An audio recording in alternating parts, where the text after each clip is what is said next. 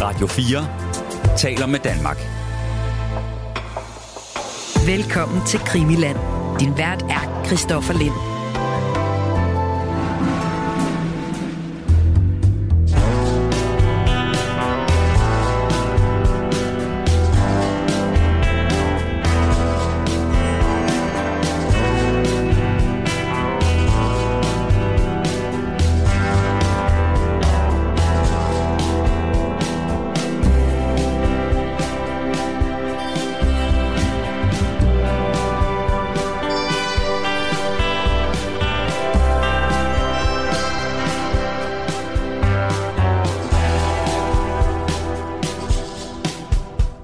Velkommen til øh, Krimeland. Min øh, gæst, det er ligesom i sidste uge, Peter Byberg. Han er religionshistoriker, og så har han øh, ekspertviden inden for øh, det område, vi kan kalde for øh, sekter og øh, sekteriske bevægelser, sektledere.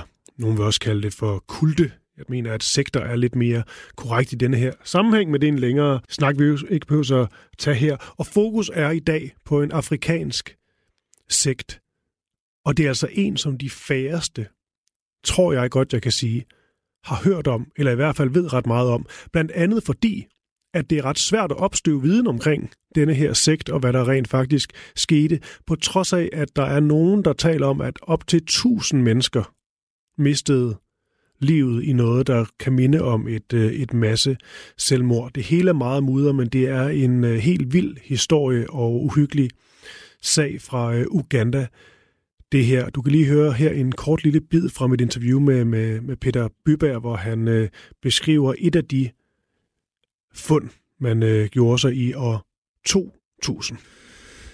Da politiet kommer og finder de her, så tænker de, okay, hvad sker der så rundt omkring på landeejendommene? Nu bliver det forvirrende igen. Mm. Fordi at de har, som jeg nævnte tidligere, øh, så har folk jo skillinget sammen og investeret i de her øh, bananer- og ananasplantager. Så er der masse grav. Så finder man yderligere 400 mennesker. De fleste af dem slået med gift. Ingen ved, hvad der er sket. Vi kan også se, at der er nogle folk, der er blevet skudt. Og øh, mange af dem har en banansnor, altså sådan noget fiber fra en bananpalme, viklet rundt om halsen. Så der er også nogen, der mener, at de har fået gift, og så har man kvalt dem med den her bananpalme fibersnor bagefter for at være sikre. Men vi ved det ikke. Og ja, lidt senere i øh, dagens udsendelse, der kan du altså høre Peter Byberg uddybe det her, tale mere om øh, mulige øh, scenarier. Og så skal vi også bare prøve at blive klogere på denne her øh, sekteriske bevægelse, som i øvrigt har en øh, kvinde i øh, toppen af det hele, og hvad de rent faktisk øh, troede på. Og med det, så er det bare øh, endnu en gang at sige øh, et ordentligt stort velkommen til lytterne til øh, dagens udsendelse af Krimiland. Og ja, lad os så komme i gang.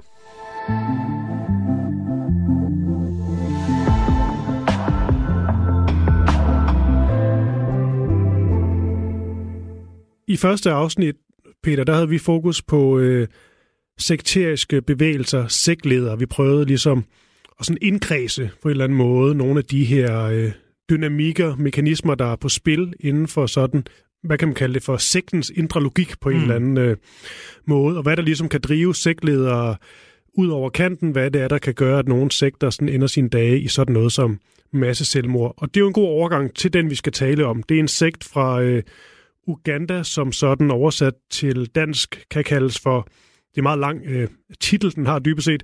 Øh, bevægelsen for genindførelse af Guds ti bud. Ja. Var det, mit bud. Ja, det, jeg synes, det lyder som en fornuftig oversættelse. Ja, og vi er i Uganda, og når jeg siger, at det er en alvorlig sag, så er det fordi, at den får i den grad en øh, dødelig udgang. Mm. Minimum 300 mennesker dør, men der er tale om over 900 mennesker, som, øh, som, som mister livet. Og hvordan det sker, det kommer vi mere ind på. Men nu skal vi lige forstå, hvad det er for en, øh, en størrelse, vi har med at gøre. Vi er i Uganda, og vi er, da det, da det sker i år 2000. Ja. Øhm, hvis vi skal starte denne her historie, så er det vel også lidt at fortælle lidt om måske uh, Ugandas historie, hvad det er, de ligesom, hvad den starter af eller i, fordi at det er et, uh, det ved de fleste jo nok, Uganda er et land, der har en meget voldsom, meget blodig historie. Mm. Ja, altså vi kan øh, jo lige friske op, hvad vi snakkede om sidste mm, gang. Ikke? Ja. Du nævnte jo også, at, øh, at Uganda var et land, der var revet midt over. Den her sigt øh, starter øh, sin gryende begyndelse i midten af 80'erne og øh, bliver stiftet egentlig i 1989. Hvis vi ser på det, Uganda har været igennem inden da, så er vi i midten af 80'erne i afslutningen af en borgerkrig. Før den borgerkrig har diktatoren Idi Amin siddet på magten i over 10 år og nedslagtet mennesker. Borgerkrigen har kostet tusinder og tusinder af mennesker livet. Ja. Øh, man har en regering, der er gennemkorrupt, og man har en meget stærk katolsk kirke, som også er ramt af korruptionsskandaler af forskellige art. Det er i det her miljø, plus vi har at gøre med en massiv afmagt og fattigdom, og en AIDS-epidemi, der lurer lige rundt om hjørnet. Mm. Denne her bevægelse øh, er, er jo sjovt nok øh, i første omgang startet af en mand, men meget hurtigt så bliver det altså de facto en kvinde, der er den karismatiske leder bagved, og som styrer øh, denne her sekt. Hvornår er det, vi øh, sådan kan tale om, at denne her øh, sekt, den sådan opstår i det små? Det starter med, at vi skal kigge på en, øh, en, en mand, der hedder Paolo Cachaco. Øh, Paolo Cachaco øh, er en ældre herre. Han påstår allerede fra en gang i 60'erne, at han har haft en vision, hvor hans afdøde datter, som hed Evangelista, viser sig for ham og giver ham en vision af himlen, og muligvis også fortæller ham, at øh, Maria senere hen vil henvende sig til ham med en besked. Han, øh, han har en datter, øh, som hedder Credonia, som øh, siger, at hun senere hen siger, hun, at hun har haft det samme syn som sin far. De her to, de knytter sig til sådan en form for Maria-bevægelse i midten af 80'erne. En form for Maria-kult. Jo, for Maria har jo en helt anden position i den katolske kirke, end, end, end den har i den protestantiske. Og der er en masse af de her få, eller de her små øh, religiøse grupperinger, kristne, hvor at Jomfru Maria spiller en meget, meget, meget central rolle, næsten overskygger Jesus rolle i de teologiske forestillingssystemer. Hun er meget, meget centralt placeret. Mm. Sammen med sin far mødes hun med nogle interessefælder. De får blandt andet også kontakt med en, øh, en fyr, der hedder Josef Kipvatere. Undskyld mit øh, ugandiske, det er ikke særlig godt, men han er altså faktisk en rimelig etableret teolog inden for den katolske kirke, som har studeret i Los Angeles. Da hun kontakter ham, altså da Credonia kontakter ham og fortæller, at Gud har sagt, at han skal kontakte, at hun skal kontakte ham, øh, så siger han, at han også har haft de her øh, Maria-visioner. Og folk begynder at samles omkring dem, i, øh, især med Paolo Cachaco, altså Gridonias far, øh, ting, altså beskrivelse af, hvordan at, øh, hans datter har annonceret, at Maria vil komme, og senere hen i midten af 80'erne får han også nogle åbenbaringer for Jomfru Maria, hvor hun viser sig om ham. De begynder at øh, tage fat, og de begynder at få nogle folk omkring sig. Og så kan man jo selvfølgelig sige, at det er lidt underligt, ikke? Hvordan kan det være, at, øh, at Maria er så hip i Uganda? Mm. Skal vi ikke særlig langt væk, fordi at vi har nogle år tidligere en gruppe på syv mennesker, der også får nogle åbenbaringer for Jomfru Maria. De beskriver, hvordan der vil være øh, orkaner af ild, der vil falde fra himlen, og, og de ser syn af, kvinde, af, af mennesker med afhuggede hoveder, altså sådan nogle helt klassiske dommedagsscenarier. Det her er Marias syn. Ja. Det her er folk, det er Jomfru Maria, der har vist den her gruppe, de mm. her scenarier. Den har ikke noget med vores sekt at gøre. De her syn bliver godkendt af den katolske kirke. Den officielle katolske kirke anerkender de her åbenbaringer. Men når den katolske kirke anerkender et mirakel, så erobrer de samtidig også fortolkningsretten over dem. Mm. Og de går i gang med at fortolke de her meget drabelige øh, visioner af dommedag i et allegorisk perspektiv. Det har de gjort i mange hundrede år, når de er opstået. Så det bliver ikke en konkret forestående dommedag, der er tale om, men et billede på nogle udfordringer, som landet står overfor, og verden står overfor, fordi at den katolske kirke erobrer fortolkningsmagten over hændelserne ved at anerkende dem. Denne her gruppe ser sig selv som katolsk. Den ser endda sig selv som ærkekonservativt katolsk. De kigger på de der præster, der er ramt af korruptionsskandaler. De kigger på, øh, at der er ændringer i liturgien, altså i, i ritualerne. Og øh, de kigger blandt andet på ændringer i, hvordan at øh, præster skal gå klædt. Og de hader det. De er imod de her ting. Og når man kigger på deres materialer for den her periode i, øh, i øh, slut 80'erne, start 90'erne, betoner de, at de ikke er en, en nyreligiøs bevægelse, men at de er katolikker. De her Maria-åbenbaringer, som jeg nævnte tidligere, som var anerkendt, resonerer jo igennem hele området i forvejen og forstærker anerkendelsen af Maria-åbenbaringer i, i Uganda. Mm. Øh, og det er...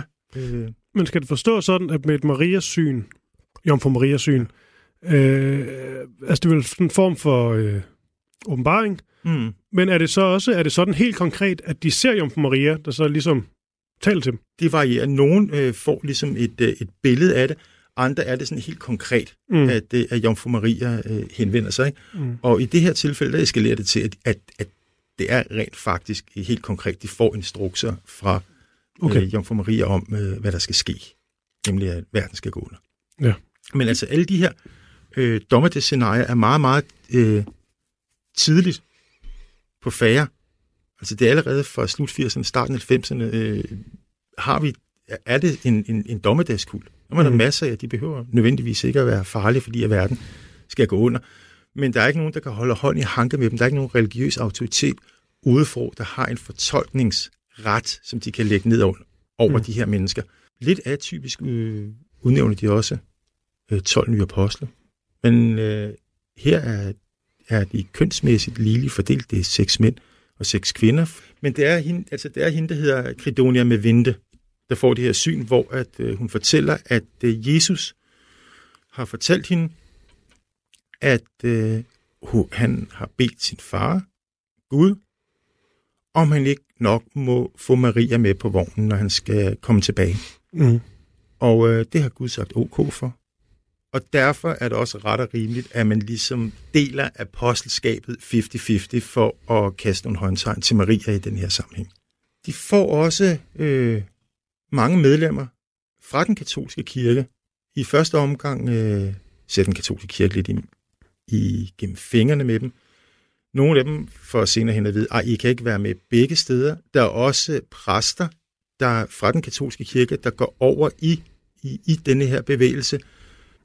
Så der er sådan en strøm fra den katolske kirke over til denne her bevægelse. Det er primært øh, øh, katolikker, men også for alle mulige andre trosamfund. Altså de er åbne over for, at alle kan, kan melde sig ind og være en del af det. Det de så gør, er, at de, øh, når man melder sig ind i sekten, selvom alt, hvad man ejer har, og øh, smider det ind i en fællespulje, hvor at de så opkøber ananas- og bananplantager, Mm. som de, øh, som de bor på og deler. Så der er, det er en fornuftig økonomisk forretning i dem, og der er også en af de højtstående medlemmer, der kommer med i starten, der donerer en masse af sin jord til øh, sekten, så de kan så de kan bygge kirker og sådan nogle ting. Ikke? Så vi starter vel sådan, altså, nogenlunde fint. Ja, altså de starter, de starter nogenlunde fint, men de lægger ud med fuld smadre på dommedag. Der går lige 10 år, Mm. før at, øh, at det går galt. Ja. Det er rigtigt. Ja, vi skal selvfølgelig mere ind på, øh, altså på hvad de sådan rent faktisk øh, gør og, og laver inden for, øh, for, for sektens øh, rammer her. Men, men er det også sådan et, Fordi det hører man jo også omkring de her, de her sekter, og nu sagde du bare, du nævnte du Ugandas øh, historie, og øh, de måske også, hvad kan man sige, altså alternativen er måske heller ikke så, så interessante. Så bliver måde, altså er der også sådan en, øh, dem der ligesom siger ja til at være en del af det her, det er også på mange måder også for at være en del af et eller andet fællesskab og community.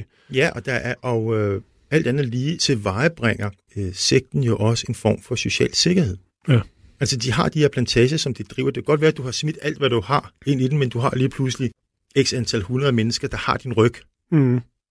Så din, øh, din sikkerhed, øh, eller din følelse af sikkerhed, må vi nok sige i den her sammenhæng, er jo større. Ja, du skal, hvis alt i hvert fald øh, går vel, så skal du nok få, øh, Hmm. få, øh, få mad på bordet. Altså, så, så, så den del er der i det. Plus, at, øh, at de her dommedagsscenarier er jo på mange måder, eller på, på den eneste måde, den øh, plausible. Altså, hvis man køber forskningen for, at du kan få en retfærdighed i verden. Mm. Fordi det eneste, de har erfaret, det er vold, død, sult, ødelæggelse, vanvittige diktatorer, voldtægter, masse voldtægter. Og mm. ingen er egentlig blevet stillet til regnskab for de her ting. Du har en stat, som du ikke stoler på. En del af statens opgave er jo et, at beskytte dig, og to, at sørge for, at du får hævn. Det er derfor, vi har et strafferetssystem. Ikke? En del af det, at vi har et øh, retsligt system, det er også, at jeg som individ kan have en Mm. mm. følelse af, at jeg, at de folk, der har gjort noget imod mig, får en retfærdig straf. Det er bare et andet ord for hævn. Så der er ingen konsekvenser.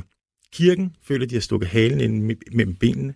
Enten er de hoppet med på det her øh, korrumperede verden, eller også er de blevet for slappe og kan ikke længere levere. Og derfor popper de her nye katolske grupper op. Der er masser af de her små Maria-kulter øh, rundt omkring i Uganda og i Rwanda også. Og nu har vi ligesom fået, fået etableret sådan øh, den, den spæde start, og der kommer øh, flere og flere øh, medlemmer. Er det sådan en, øh, en bevægelse, der ligesom øh, vokser sig sådan rigtig stor? Ja, altså den får, den får, den får flere og flere medlemmer, og øh, den begynder også at lave flere og flere historier om, øh, om de her øh, folk, der sidder i toppen af den.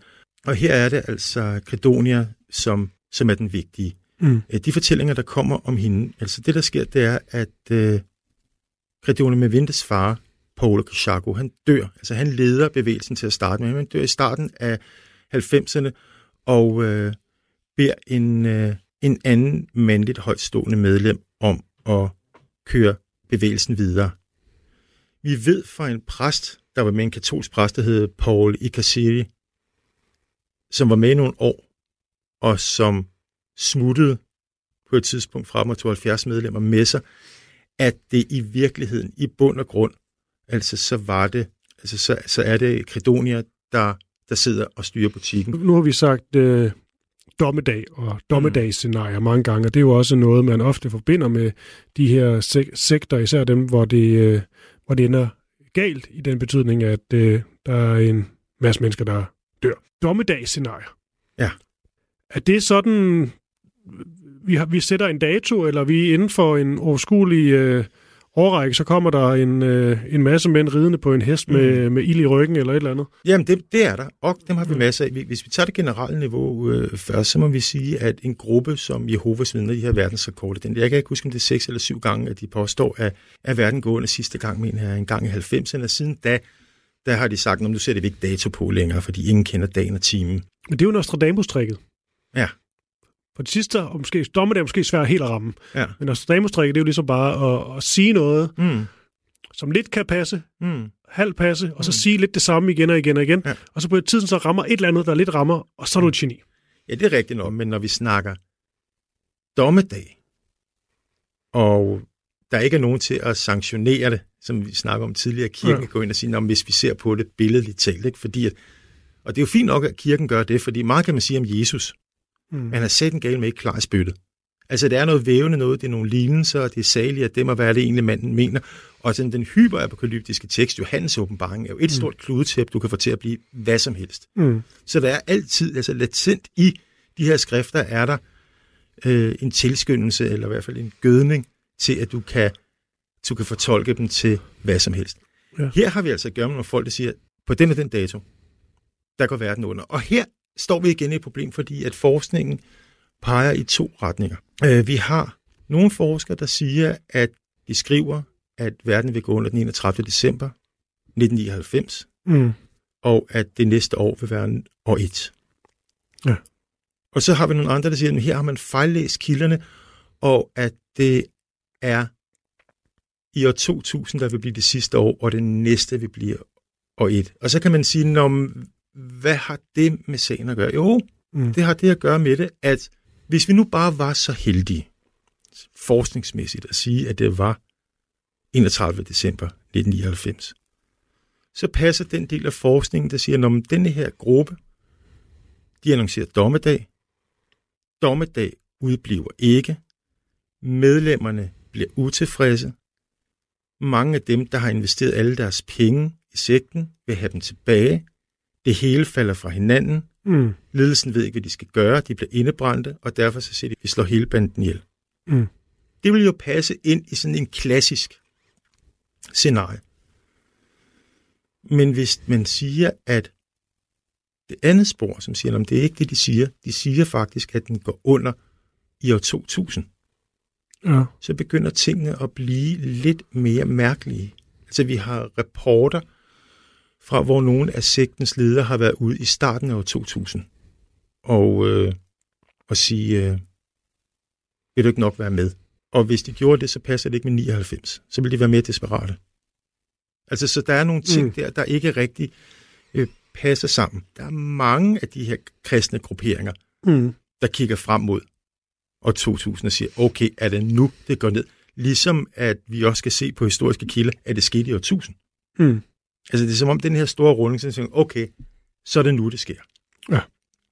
Så vi har set meget op omkring, altså op igennem 90'erne, har vi set masser af de her grupper, Ja. øh, som reagerede på det her store skift i Ja. det nye tusind. Men de taler altså et- lidt ind i den her, eller meget ind i den her, fordi det kan jeg jo selv huske. Mm. Jeg var ikke så gammel her, jeg var teenager. Mm.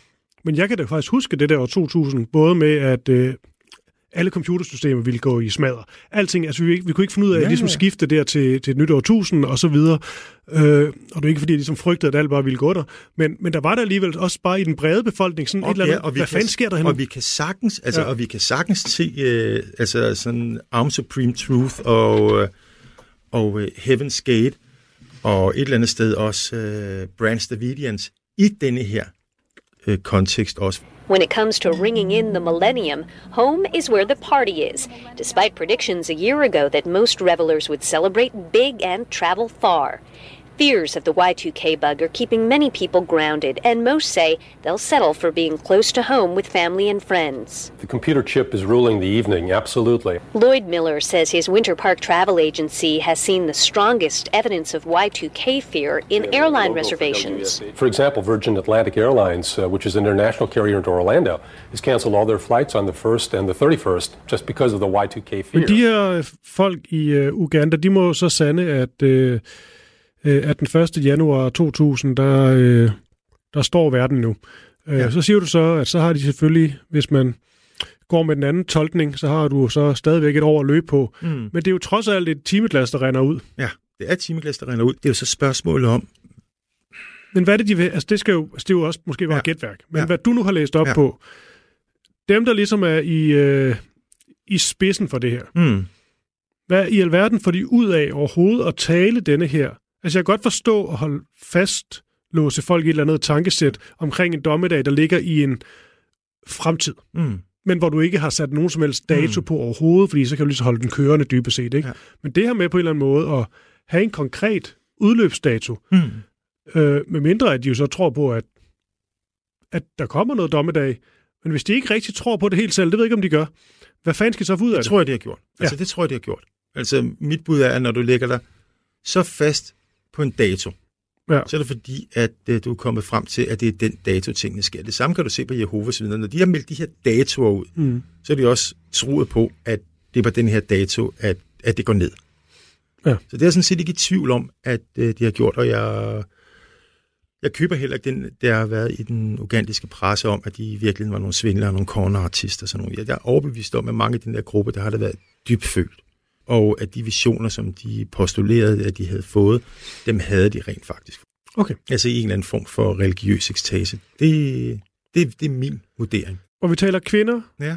og øh, mænd og børn. Ja. Og, øh, og så vidt, når man så ser på dødstallet, må det jo være i, øh, i øh, mange hundrede, Mm. måske endda omkring de tusind, jeg ved det ikke, Ja. øh, som ligesom er en del af det her øh, fællesskab.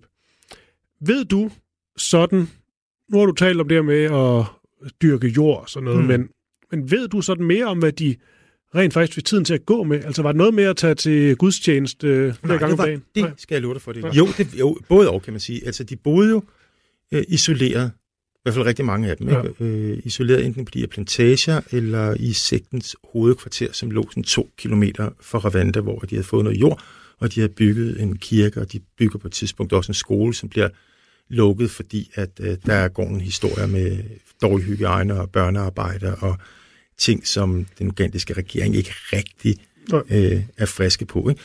Men de sætter den her dato, og så er det, vi vi spørger os selv, hvad er det, der sker, når tingene ikke sker? Øh, Credonia med Vinte er jo, er jo interessant, fordi hun bygger sig selv op gradvist. Vi ved ikke så meget om, ja, vi ved jo, at øh, hendes far øh, har fået de der åbenbaringer allerede i 1960. Øh, med Vinte er fra, Credonia med Vinte er født i 1952. Muligvis en eller anden form for sorg, over, han har mistet sin datter. Åbenbarelse for ham.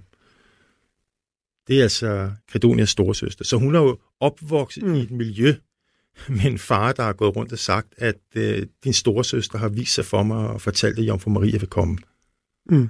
Så hun er opvokset i et miljø, fra hun var helt lille. Altså, faren har jo fået de her øh, visioner, da hun var otte år gammel, hvor at det var gyldigt. Mm. Så bliver også nødt til at se på, hvad er det for en kulturel Ja. virkelighed, hun er vokset op i. Altså, der har åbenbaringer og alle de her ting været gyldige. Og det er faren, der hiver hende med ind i de her Maria-bevægelser og udvikler dem sammen med hende. Hun i sig selv er et spøj, fordi hun har en, øh, en baggrund som øh, bananølsbrygger og Ja. øh, skomager og øh, bartender. Og nogle historier siger, at hun sådan er en promiskuøs bartender. Hun siger selv, at hun har været prostitueret. Og der er nogen, der så mener, at hun overdriver det, og har kaldt sig prostitueret, fordi hun kan koble sig på sådan en Maria Magdalene-fortælling, som er den her historie fra det nye testamente, hvor at øh, Jesus øh, vandrer rundt sammen med en prostitueret. Mm. Så hun har kun koblet sig på den mytologiske proces at være en form for Maria Magdalene version 2.1, eller det giver en eller anden form for resonans til hendes autoritet, at hun ligner hende. Omvendt så kan vi jo også sige, at hvis, hvis du ser på den økonomiske situation i Uganda, øh, så det at være bartender, og som folk kalder en promiskuøs bartender, kan godt, hvis, skulle, hvis vi skulle lave en pendant til det, være sådan en form for sugar dating. At der er samtidig med, at øh, du ikke decideret er gået ud og solgt en ydelse som sexarbejder, så har der været noget økonomi involveret i det, som gør, at hun har tolket sig selv som prostitueret. Ligesom vi har den her historie med sugar dating, er det prostitution eller ikke prostitution? Nogle folk siger, at sugar dating er prostitution. Andre sugar dater opfatter ikke sig selv som prostitueret. Altså det er den her baggrund, hun kommer fra. Og så at hun får de her visioner, opsøger folk, øh, der er indflydelsesrige teologer, og siger, øh, jeg har haft en vision om Jomfru Maria, og denne her teolog har også haft en, en vision af Jomfru Maria. Han siger, hun siger, ej, hvor sjovt, fordi den vision, jeg fik af Jomfru Maria, den fik jeg ret tæt på dig. Og så han siger, ej, hvor sjovt, fordi jeg har fået en i en hule, der ikke ligger så langt derfra. Og han taber ind, og han har noget økonomi. Han sælger alle sine, øh, sine ejendomme og, og donerer til øh, denne her bevægelse, så den kan udvikle sig. Nogle af de her folk er stadigvæk eftersøgt Jo. internationalt af Uganda. Altså øh, Credonia med Vinte og øh, et par andre er efterlyst internationalt, fordi man siger, at man ikke kan finde dem. Det spørgsmålet er, er de her folk døde sammen med resten af bevægelsen, eller er de stukket af? Den officielle ugandiske forklaring, det er, de er nogle slenderregner, nye religion, religioner er noget værre noget. De tror ikke på det selv. De har snået en masse mennesker. De har slået dem ihjel, taget pengene og stukket af. Det er lidt svært at sige, mm. når vi snakker Uganda, fordi er sådan noget med øh, altså, øh, tand, altså sådan, øh, tandlægekort og den slags ting findes vi ikke. Og hvis du har set billederne dernede fra, så er det altså utrolig udfordrende at identificere de her lig, fordi mange af dem er fuldstændig forkullet. Altså dem, der er inde i den her kirke. Mm. Så vi ved det ikke. De er eftersøgt, men vi ved ikke, om de er døde. Familien og de pårørende tror selv, at de er døde i, i uh, denne her brand. Det, der gør, at vi hele tiden er usikre på, hvad der egentlig er sket, er jo, at uh, både at vi har de her modstridende datorer, og vi har meget få vidner til det, og vi har et, uh, et politisk system, som heller ikke er særlig pålideligt. Nej. Det vi ved, der sker, Ja, lad os tage det. det er, at uh, de inviterer til deres, i deres hovedkvarter, hvor der er flest af dem. Det er sådan en compound, der ligger i en landlig landsby, to kilometer fra Rwandas grænse. Øh, bliver de inviteret til en fest, hvor de har fået at vide, at der vil ske noget ekstraordinært. Minimum 300 mennesker møder op. 78 børn. Landsbyboere i området siger, at de stegte tre okser og købte 70 kasser cola og holdt fest. Det har folk set. Det næste, man kan få at vide, det er, at i det nærliggende landsbyer hører man lige pludselig en kæmpe eksplosion, og hele den her bygning står i flammer. Der er minimum 300 mennesker derinde. De brænder inde. Mm. Da man kommer ned til den her bygning og undersøger den nærmere, kan man se, at døre og vinduer er sømmet til udefra. Så man har, altså de folk, der var derinde, er blevet spærret inde. De har ikke kunnet komme ud, og man har tændt ild til det. Der er også rapporter om, at et meget dedikeret medlem af sekten et par dage forinden øh, var set øh, købe øh, 50 liter svovlsyre. Kan du bruge til at lave brandbomber i. Og i den forstand, så, så virker det her koldt og kyniske planlagt. Ja, hvor står du? Fordi, øhm, altså det er jo frygteligt, Mm. men når man ligesom læser lidt op på den her sag, på trods af, at det er ret svært at læse op på den, mm. øh, der, der er simpelthen ikke så mange, der har skrevet sådan mere uddybende om den. Sikkert af mange gode grunde. Også dårlige grunde. Mm. Og jeg mener dårlig grund i, at Afrika nok generelt bliver dækket alt for lidt her i, øh, i Vesten. Det er der ingen tvivl om. Øh, men der synes jeg, det her med øh, masse selvmord går igen. Mm. Øh, og det kan man jo vel også godt argumentere for, men hvis de ligesom har boldret de her døre fast, så folk simpelthen ikke kunne komme ud, Ja, så taler det for noget andet.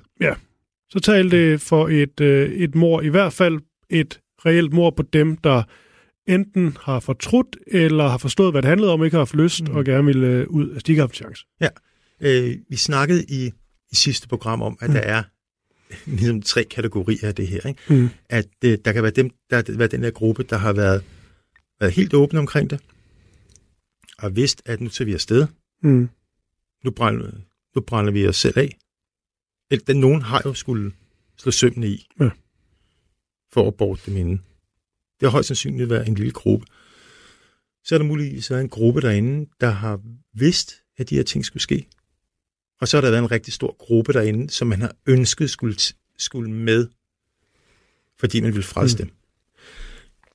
Det her område i Østuganda, øh, i dagene op til, opfatter de som en form for landingsstation.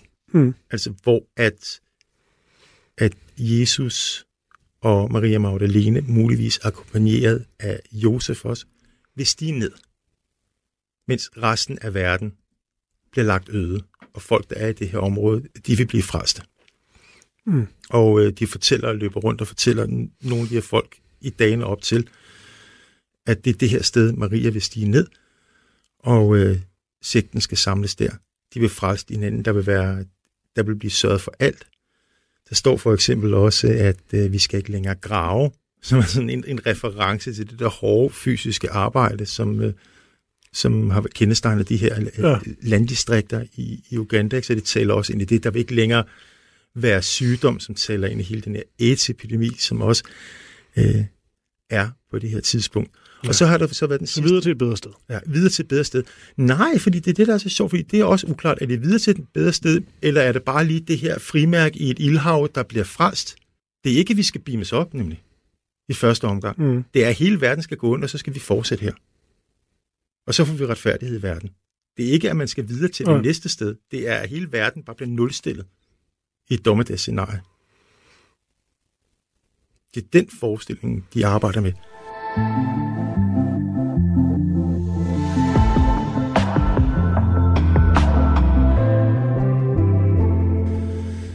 Da politiet kommer og finder de her, så tænker de, okay, hvad sker der så rundt omkring på landeejendommene? Nu bliver det forvirrende igen, Mm.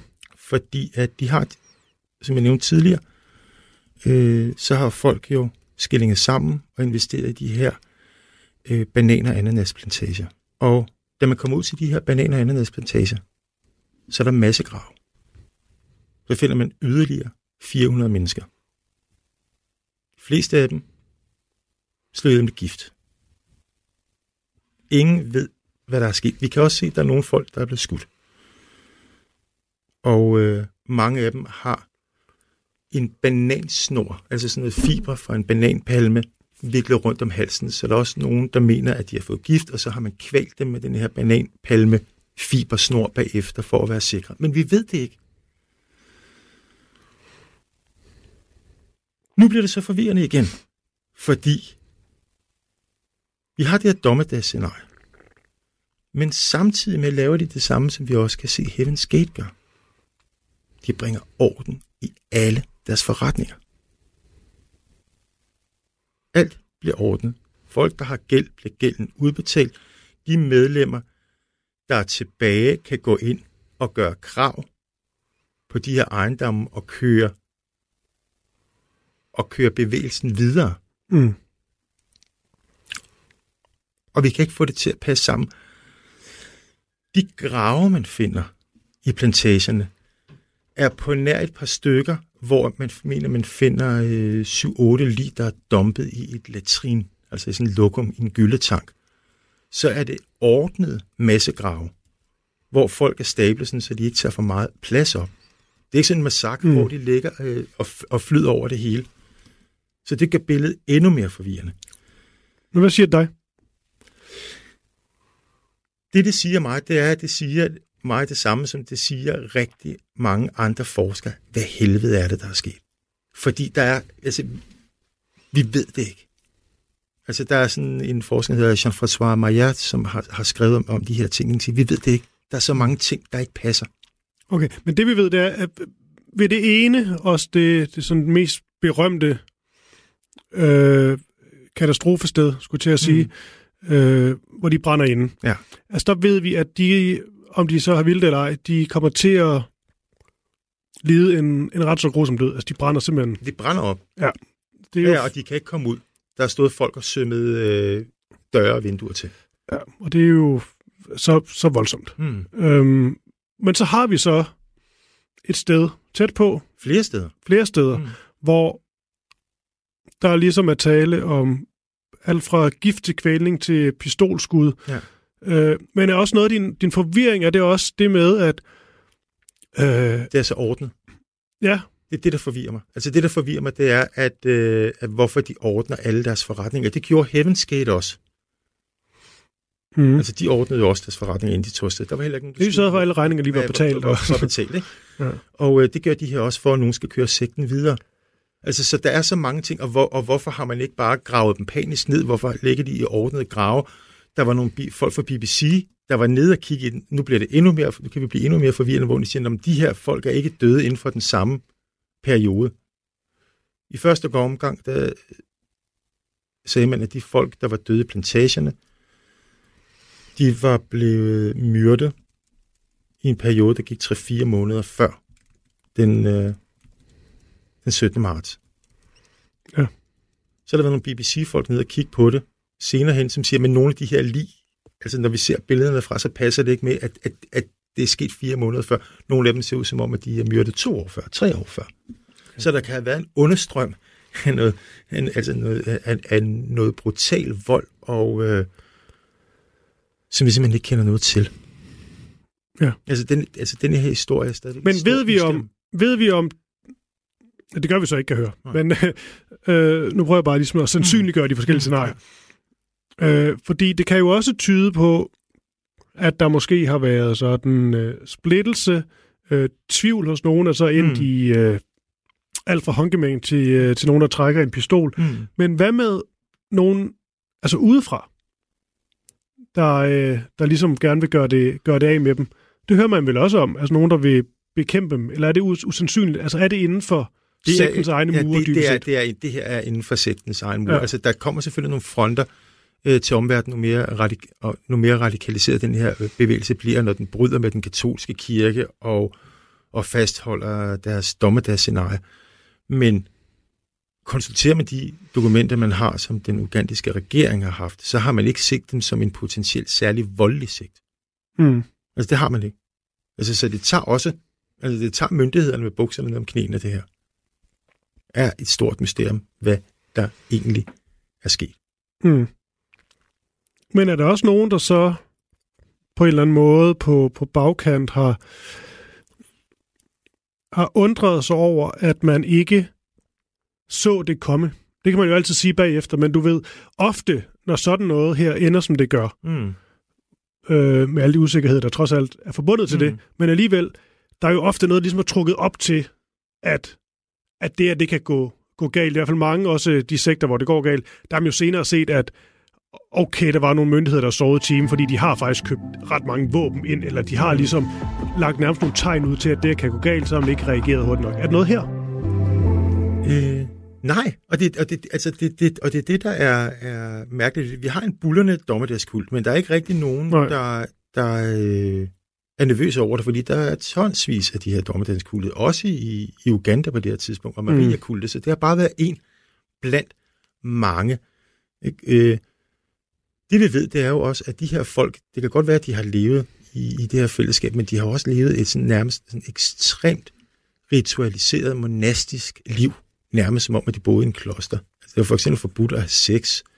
Øh, man forbød også folk at tale, fordi at øh, så kunne man risikere at bryde det 9. bud, som var, at øh, du, må ikke, du må ikke lyve, og man må heller ikke bruge sæbe. Så der er også en, en, en frasigelse af kroppen i hele det her øh, bevægelse, og de har jo så levet i sådan en eller anden gennemritualiseret boble, Mm. både i, i, i den her compound, hvor at, øh, de havde et hovedkvarter, og rundt omkring på de her forskellige farme, som de har i, øh, i Uganda. Og Ja. det gør også, at folk bliver fjernet mere og mere. Altså når du ligesom underlægger dig en form for rituel kontrol, øh, så er folk i stand til at gøre ting, som de ellers ikke er i stand til. Et eksempel på det kunne for eksempel være øh, efter 9-11, øh, der fandt man øh, nogle instruktioner i en bil til de her øh, terrorister, der tog med flyverne. Og der er det beskrevet, fra de stopper om morgenen, til de flyver flyverne ind i World Trade, er beskrevet minutiøst, hvad de skal gøre, hvordan, hvornår de skal bede, hvad de skal tage på, hvornår de skal bevæge deres kropsbehov af, hvornår de skal spise, hvornår de skal gå ned og tage bilen. Alt Mm. er ritualiseret. Og i det øjeblik, du ritualiserer ting, så fjerner du det også, så, så bliver du i en eller anden form for tid, der klapper sammen, hvor du både er i den reelle verden, men du er også i en mytologisk tilstand. Mm. Så på den ene side har de gået rundt i øh, det østlige Uganda anno 2000, og på den anden side har de befundet sig i en mytologisk tilstand, hvor det her dommedagsscenarie udfolder sig. Mm. Og der er altså en stor styrke i de her ting. Det kan få folk til at gå op i en flyvemaskine, skal have halsen over på folk og flyve det ind i World Trade Center. Ja. Så Afrikas øh, Jonestown, Ja. men også, altså, jeg ved, der er det ikke noget med, at der er en film på vej med DiCaprio som Jim Jones, og ja. Ja. du ved, den bliver bare reproduceret, den mm. Mm. fortælling om Jonestown, og alt der sker i Giannas jungle, og mm. du Mm. kan jo få svin med Hmm. dokumentar. Jeg har endda selv lavet en. Ja. Men du ved, der er simpelthen så mange og så meget indhold om den, mm. Mm. eller Manson, prøv lige, Ja, det er jo ja. samme, ikke? Det er jo, øh, det er jo kulturindustri. Ja. Øh, For fuld udblæsning. Ja. Men Her, her, har vi, her, her har vi en marginaliseret historie, som ja. er dybt, dybt, dybt tragisk. Og som Muligvis med, med, med lige så mange antal, øh, eller lige så stort antal øh, døde, mm. og alligevel så ved vi meget, meget lidt Mm, om den. mm, Øh, altså, vi har selvfølgelig fået noget her, Peter Byberg, og det er også super spændende at høre om, øh, hvordan den ligesom starter op, hvad det er, de tror på, de her Jomfru Maria-syn og så videre. Men det er vildt, at, at en så stor tragedie på en eller anden måde stadigvæk kan så store spørgsmålstegn mm, øh, altså, og det er måske fordi, at det var i Uganda, og Mm. det er i hvert fald en stor grund af det, eller grund til det, at det er i Uganda og ikke i... Altså, hvis det er sket i San Francisco, så tror jeg, vi havde flere svar. Ja, så har der været 20 artikler i morgen. Ja. Jeg har kun fundet to-tre stykker.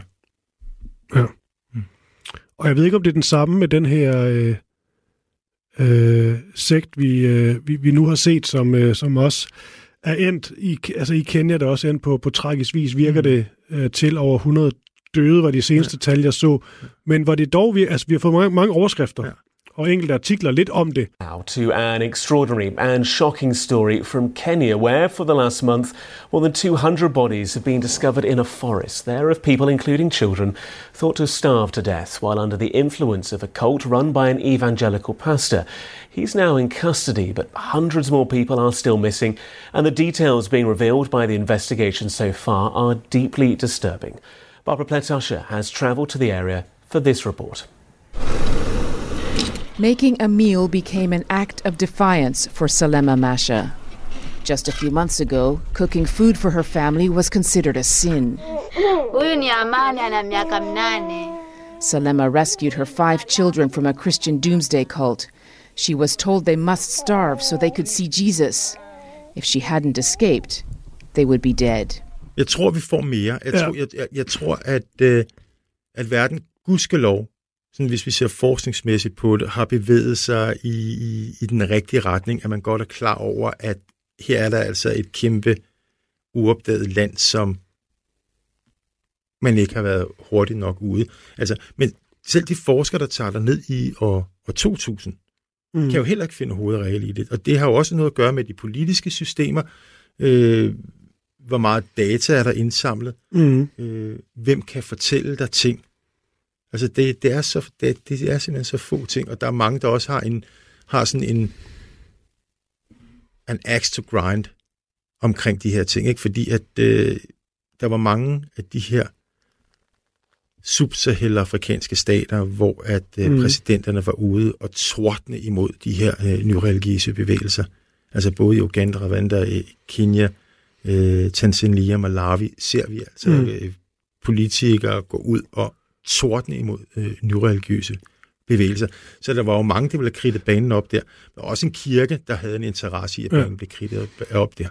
Og det vil jeg gerne lige vende tilbage til. Det, det er her, vi slutter, Peter Byberg, men jeg vil gerne lige, før vi slutter helt, lige vende tilbage til det. Jeg vil bare lige sige, for en god ordens skyld, at den, øh, det, der sker i Kenya, det, øh, det er nogle, øh, kun for et par måneder siden. Det er en kristen sekt, der kalder sig for Good News International Church. Øhm, og det er i en skov uden for en kystby, der hedder Malindi, at man har fundet de her mange omkomne. Og nu er det ligesom kommet, det er også meget interessant det her, at, øh, at sektens leder, han hedder Paul McKenzie Ntehenke, tror jeg. Det kan jeg ikke udtale det, men øhm, han, øh, han har ligesom før prædiket, at dem, der ligesom dør af sult på grund af faste, de vil komme i himlen. Mm. Det er ofte derfor, man taler om, at det nok er derfor, de så udsultet, at det var sådan altså religiøst betinget, og der var mm. et, for dem at se, et formål med at gøre det. Mm. Øh, men det hele bliver efterforsket nu, er også, hvor jeg tør ikke at drage for mange konklusioner. Men det, der er med den her, det er, at han er jo faktisk blevet taget, øh, jeg blev fanget, Mm. og har ikke selv taget sit eget liv, og vil nu og bliver sådan altså grundafhørt nu. Ja. Øh, så på den måde kan det også være, at vi kan få mere at vide, fordi vi rent faktisk har en, der ligesom var i spidsen for det, som kan tale. Det kan jo også være, at han lyver sig hele vejen igennem det her, men trods alt har vi ham. Og det er jo at sige, Peter, med, med, til sidst, som du også nævnte, øh, det her med et før og et, og et efter, og frygten for sådan nogen her, hvad kan vi gøre ved sådan nogle sekter, der opstår, ikke? Så Kenyas præsident, William Ruto, han, øh, han har nu lovet under en preskonference, at man vil slå hårdt ned på den her slags sekter, og så har han udtalt, øh, det jeg har fra et Ritzau-dokument, terrorister bruger religion til at fremme deres afskyelige handlinger. Folk som herr McKenzie bruger religion til at gøre nøjagtigt det samme. Og så til spørgsmålet, Peter Byberg. Mm. Tror du, at sådan noget her, at Kenyas præsident er ude at sige noget, Mm. vil, vil det ændre noget? Eller skal vi se det her igen om 20 år? Ja, ja, altså det, det, det ændrer ikke en, øh, en, en døjt. Og, og det er jo også nogle, nogle mærkelige ting, han, han, han siger, ikke? fordi at øh, det er i bund og grund et religiøst udsagn. Når han siger, at terrorister misbruger religion, så underkender han, at, øh, at det kan være religiøst. Ja. Øh, for eksempel er der jo sådan i kølvandet på både øh, 9-11, og vi har også set det, når vi snakker om sådan maksimale radikaliserede muslimer, kan vi jo se, det betyder at gå ud og sige, at det har intet med islam at gøre. Og det har alt med islam at gøre. Ja.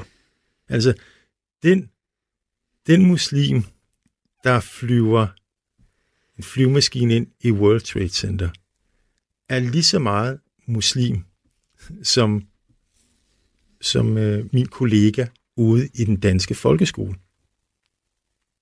Jeg er helt med på, at de internt mm-hmm. i en, øh, som religiøse mennesker vil sige, prøv at høre, du har intet med islam at gøre. Det er jeg helt med på. Ja. Jeg er helt med på, at øh, øh, Osama bin Laden vil sige til min kollega, du er ikke muslim. Men jeg er også fuldstændig overbevist om, at, at, at min kollega, som er muslimer, som står og laver gennemsekulær undervisning i den danske fol- folkeskole, vil sige, nej, det er dig, der ikke er muslim. Ja. Men faktum er, at begge dele er religiøse udtryk. Mm. Så når sådan en præsident går ud og siger, misbruger det og sådan ting, så, så laver du sådan en eller anden, hvor du siger, om det er det, der er religion, og der er det, der ikke er religion. Og det bliver også en udskamning af religiøse minoriteter, når du taler om dem øh, på den måde. Mm. Fordi, som jeg tror, jeg nævnte i, i første afsnit, der er, vi har tusindvis af de her sekter, mm. og vi har tusindvis af de her små religiøse fællesskaber, også med dommedagsscenarier, hvor der ikke sker noget som helst. Præcis. Og det her med at udskamme og øh, dybest set marginalisere marginaliserede grupper i forvejen, mm. det har det med at få den helt stik modsatte effekt af, hvad man, hvad man ønsker, nemlig at de bare lukker sig endnu mere om selv. Mm. Det har aldrig gjort noget godt. Nej. Mm. Peter Byberg, det var en øh, fornøjelse at have dig med. Det er jo en, øh, det er en hård omgang, vi lige har været, været igennem, men øh, nu har vi i hvert fald fortalt øh, vores version af historien om, hvad der skete der i år 2000 mm. i øh, Uganda. Dit navn er som sagt Peter Byberg. Du er religionshistoriker, og jeg vil egentlig bare sige tak, fordi du var med i, øh, i Krimland. Jamen, det har været en fornøjelse. Og så vil jeg egentlig bare her på øh, falderæbet sige øh, tak til øh, jer lyttere, jer der lytter med live eller på podcast. Det gør jo ikke det store, så længe I lytter, og forhåbentlig også finder det interessant. Fordi Krimiland øh, er så kommet for at blive, og der er et nyt afsnit i næste uge, hvor jeg lige vender snuden tilbage til det, vi har fokuseret på i denne her sæson, nemlig mordet på John F. Kennedy i 1963. Men altså, vi er ved at lave et skifte. Det vil sige, at øh, vi begynder at øh, fokusere mere på øh, andre historier og øh, begivenheder end lige akkurat det her, øh, det her mor. Så øh, det begynder at blive sådan en afrunding på øh, JFK for nu. Vi kan sagtens øh, tage det op øh, senere, men øh, Derfra der, øh, er der alt muligt godt på, øh, på menuen. Jeg vil ikke løfte sløret for det hele, men jeg kan da sige, at jeg har talt med den gode øh, Anders Aarhus, som folk nok vil kende fra øh, programmet om Olof Palme, som øh, vender tilbage til øh, Krimiland. Derudover skal vi også se på noget mafia-relateret, blandt andet den albanske mafia, jeg har øh, dykket ned i. Det er en voldsom fortælling, kan jeg godt øh, sige allerede nu. Øh, den japanske russiske er også på tegnebrættet. Der er også snak om noget med Charles Manson, der er en aktuel krog til den helt vanvittige fortælling. Og ja, det var bare nogle overskrifter. Det bliver i hvert fald godt, og jeg glæder mig til at lave nye programmer til jer, der udkommer hver lørdag på, øh, på podcast og live kl. 17.05.